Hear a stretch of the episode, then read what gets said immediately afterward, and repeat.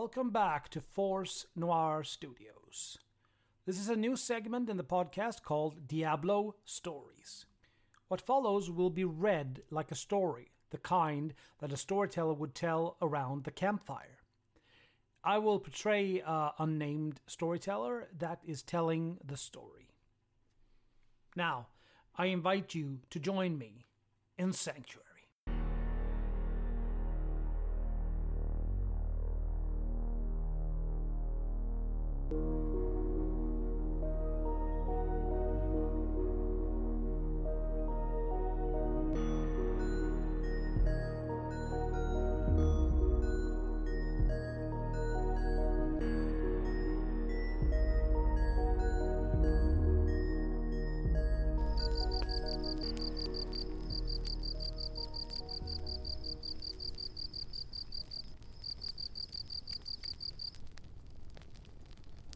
The beginning, there was nothing. Nothing at all. No light, no dark. Nothing. But a single, perfect pearl. Inside the pearl, there was the one, Anu. Anu was everything.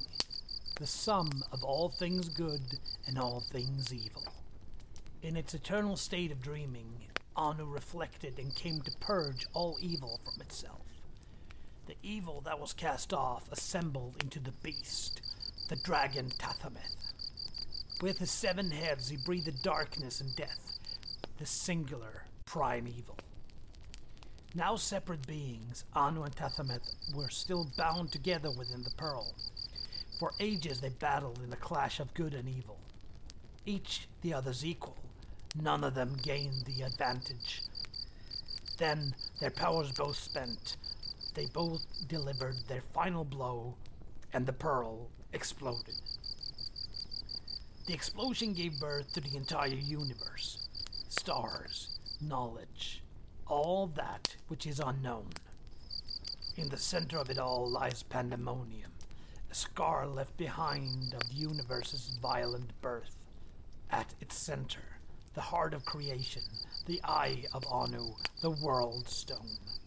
It is the foundation of everything, all places and times, untold possibilities, a nexus of all the realities. All that is left of Anu and Tathamet are the bedrocks of what we know as the high heavens and the burning hells. The spine of Anu came to rest far out in the darkness.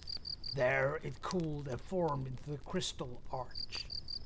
It was around this crystal arch that the high heavens formed. The crystal arch gave birth to the angels, beings of sound and light. Tathamet fell to the lower, darker places of reality, his rotting flesh creating the burning hells.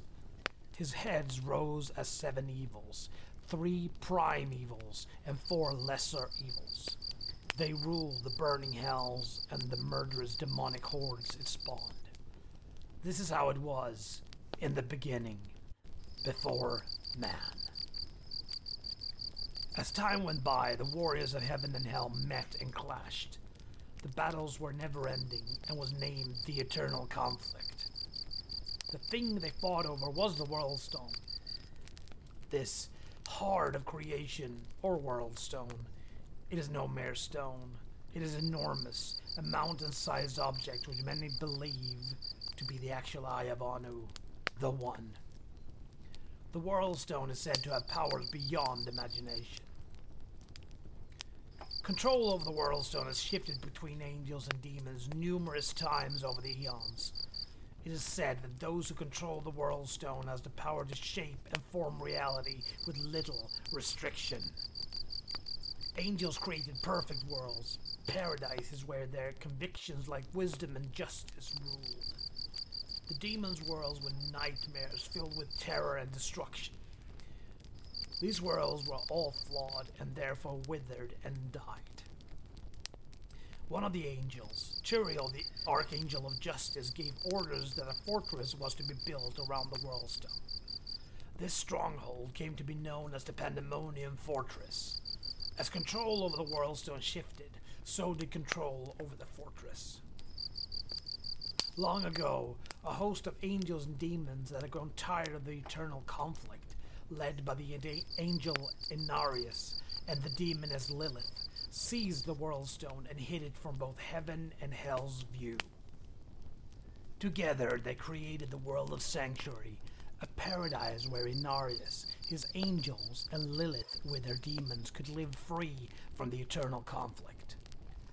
Sanctuary is the mortal world, our world, created by both angels and demons.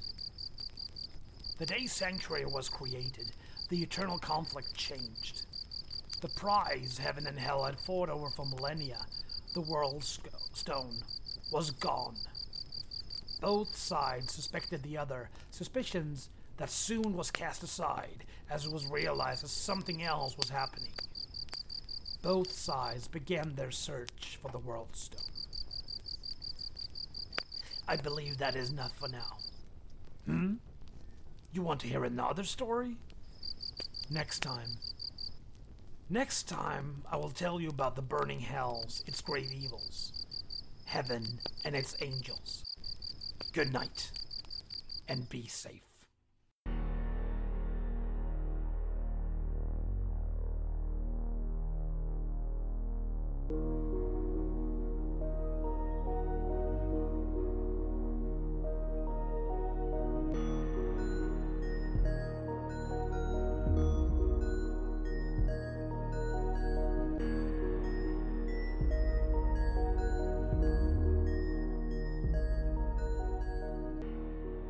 Thank you for listening to today's episode.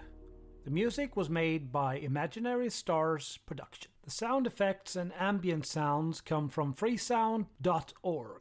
The next episode of Diablo Stories will be uploaded as soon as it's produced.